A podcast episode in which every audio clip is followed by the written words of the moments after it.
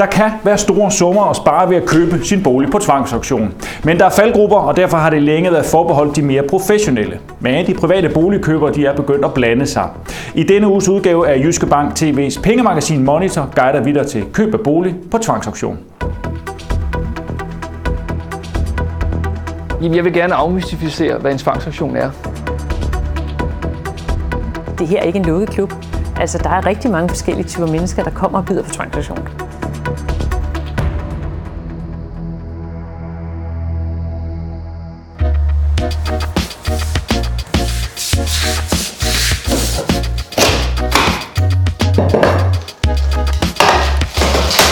I Ringsted ligger en stor villa på næsten 240 kvadratmeter.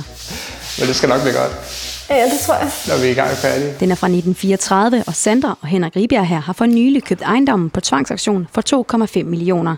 Det, der tiltalte os ved huset, var rammerne, som har betydet utrolig meget for os, og størrelsen på grunden, og typen af huset og arkitekturen. Så det, at det har været en gammel murmestervilla, har haft en høj prioritet for os.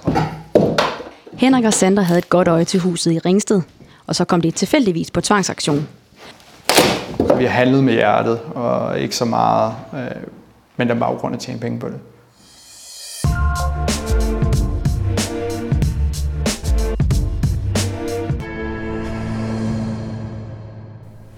Når man køber sin bolig på tvangsauktion, så er der typisk en del penge at spare.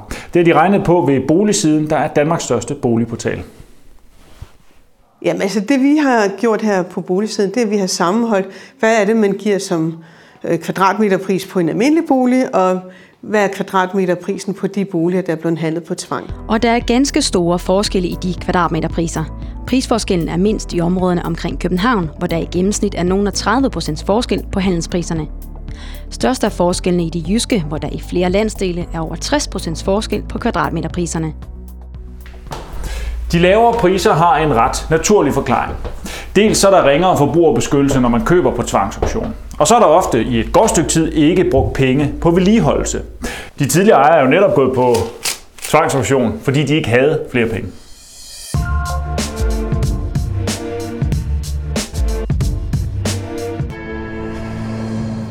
Thomas Bus Pedersen er advokat. Han har arbejdet med næsten 1000 sager om tvangsaktioner. Jamen ejendommen kommer på tvangsauktion ofte fordi, at øh, dem, der ejer ejendommen, simpelthen ikke kan betale terminerne til kreditforeningen. Det kan skyldes arbejdsløshed, skilsmisse eller sygdom. Det er gerne, øh, kan man sige, de kategorier, vi falder i. Thomas Bus Pedersen arbejder også som underviser.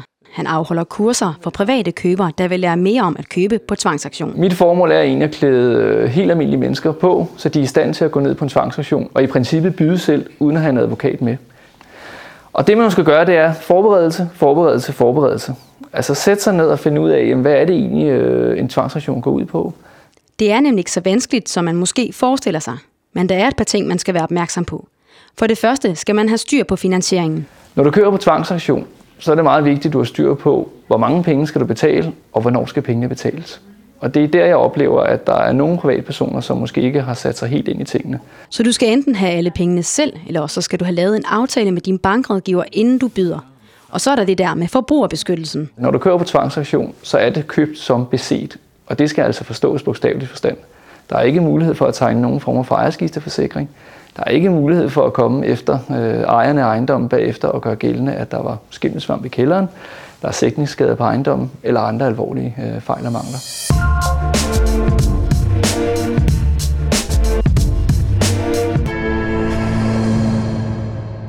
Når man ikke kan få en ejerskifteforsikring og oftest heller ikke har mulighed for at se nærmere på en tilstandsrapport, så er det ekstra vigtigt, at man er grundig med at sætte sig ind i ejendommens stand. På overfladen så, så det hele utroligt fint ud, men, men det, der rammer en, da du træder ind, det var en, en mur af, af katteurin. Huset i Ringsted stinker. Den gamle dame, der boede i huset inden tvangsaktionen, havde over 50 katte, og de brugte hele huset som en stor kattebakke. Alt øh, organisk materiale, øh, i høj grad træet i huset, øh, har været så slemt medtaget, at vi nu er blevet nødsaget til at, at skifte gulvet. Lugten kunne nemlig ikke fjernes, og det gav en uventet ekstra regning på et par hundrede tusind. Desværre. Øhm, så, så fra at vi gik fra at troede, at vi skulle øh, afhøvle alle gulvene, skal vi nu skifte alle gulvene. Øh, hvilket vi er meget ærgerlige over, men øh, det har til gengæld nogle positive sider, hvilket betyder, at vi nu kan få mulighed for at, at få gulvene, som vi vil have det, og vælge de materialer, og, og derudover så også opgradere øh, ejendommen øh, og etageadskillelserne. Der er mange faldgrupper, når man køber en bolig på tvangsauktion. Så man skal selvfølgelig have øjnene åbne og kigge sig for, for ellers kan det gå helt galt. Jamen, øh, den klassiske er øh, frostspringninger. Det viser sig, at det er især sommerhus, der ikke har været foretaget vintersikring. Og når man så har købt sig en ejendom, så kommer man ud og skal sætte varme på, og så viser det sig, at der er sprungne vandrør. En anden klassisk ting er, at når man overtager ejendommen, så viser det sig, at der er nogle alvorlige fejl og mangler. Øh, det vil sige, nogle, øh, det kan være store sætningsskader, øh, det kan være, at der er rådsvamp og insekt eller skimmelsvamp i ejendommen, som man ikke har været opmærksom på. Og så er der også nogen, der, der bliver overrasket over, at øh, der måske er en lejer i ejendommen, og så troede man, at sådan en lejer kan man bare lige komme af med. Det kan man bestemt ikke.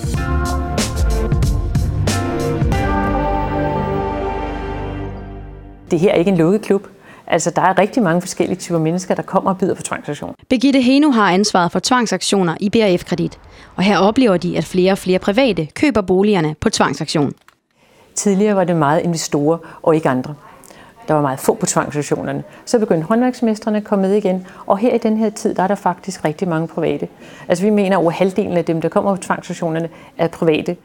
Så selvom tvangsaktioner kan virke uoverskuelige med lange salgsopstillinger, begrænsede muligheder for fremvisning og en del teknikaliteter omkring selve aktionen, så er der så meget hjælp at hente på nettet, at man ikke behøver at tøve. Jamen jeg synes, at øh, man skal kaste sig ud i det og prøve at finde ud af, jamen, er det her noget for, for en, eller er det ikke noget for en. Og det kan man jo gøre ved at finde ud af, jamen, hvad vil det sige at købe på tvangsaktionen. Og der er det jo en god idé at sætte sig ned, læse noget omkring det, øh, og så gå ned og overvære nogle, øh, nogle tvangsaktioner. Man kan jo tage og printe 4-5 salgsudstillinger ud fra nettet, læse dem igennem, og så sætte sig ned i retten en formiddag og se, hvordan og hvorledes foregår det her. Og så kan man jo godt finde ud af, jamen, er det noget, jeg selv har mod på at prøve, eller jeg synes, at det her er så kompliceret. Synes man, det er kompliceret, jamen, så er der jo altid en advokat, der kan bistå en. Men ofte kan man som privatperson godt klare det her meget langt hen ad vejen.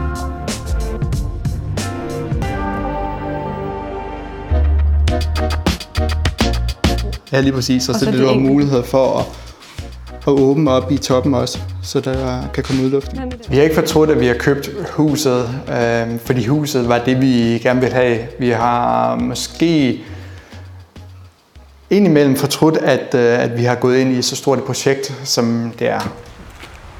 Men på trods af kattetis og et projekt, der i det hele taget var lidt større end ventet, så er Henrik og Sandra ikke blevet afskrækket fra at gentage forløbet. Det er ikke tvangsfusion, der, der afskrækker, men man skal gå ind i det med meget åbne øjne og være meget opmærksom på, hvad det er, du køber, for du køber som PC. Der ligger ikke en tilstandsrapport, øh, som du kan støtte dig op af. Men det er ikke selve handelsmetoden, at der vil afskrække os. Øh, så vi kunne godt finde på at købe tvangsfusion igen, hvis det nogensinde vil blive øh, aktuelt. At købe en bolig på tvangsauktion, det er jo altså ikke helt det samme som at købe en bolig i frihandel. Men det skal man sådan set ikke lade sig skræmme af. Så længe man gør sit hjemmearbejde og sørger for at få hjælp til det, man ikke selv er så skarp i, så skal det nok gå alt sammen. Så held og lykke med budene. Det var Monitor for den her gang. Vi ses.